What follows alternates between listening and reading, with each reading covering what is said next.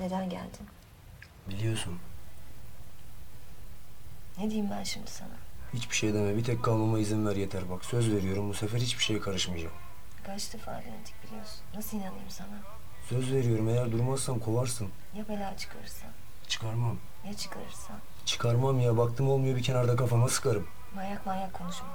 Eğer sıkmazsam siksinler. Benim de bir gururum var be. Gördük. Son defasında bütün Konya'yı ayağa kaldırıp gittin. Sen de aşağılama o bizi. O ta ne zamandı?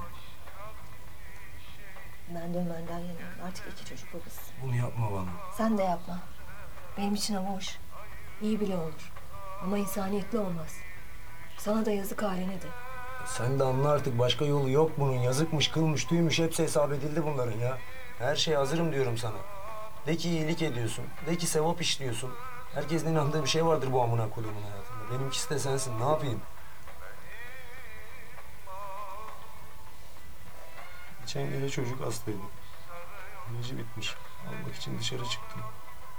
Sağa sola saldırıp nöbetçi eczane arıyoruz. Birden durup dururken içim cız etti. Bir baktım yine aynı karın ağrısı. Öyle özlemişim ki seni. Dönerken bir meyhane gördüm.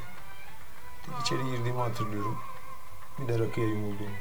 Arkasından en az dört çıkaralık. Sonra gözümü bir açtım karşıdan karlı dağlar geçiyor. Bir daha açtım başımda bir çocuk. Kalk abi diyor Kars'a geldik. Otobüsten indim yürümeye başladım. Dedim Allah'ım neredeyim ben? Burası neresi? Sonra güç bela burayı buldum. Kapının önünde durup düşündüm. Dedim Bekir, bu kapı ahiret kapısı. Burası sırat köprüsü. Bu sefer de geçersen bir daha geri dönemezsin. İyi düşün dedim. Düşündüm, düşündüm. Olmadı. Dönemedim. Sonra bak oğlum dedim kendi kendime. Yolu yok çekeceksin. İsyan etmenin faydası yok. Kaderim böyle. Yol belli. Ey başının son son yürü şimdi.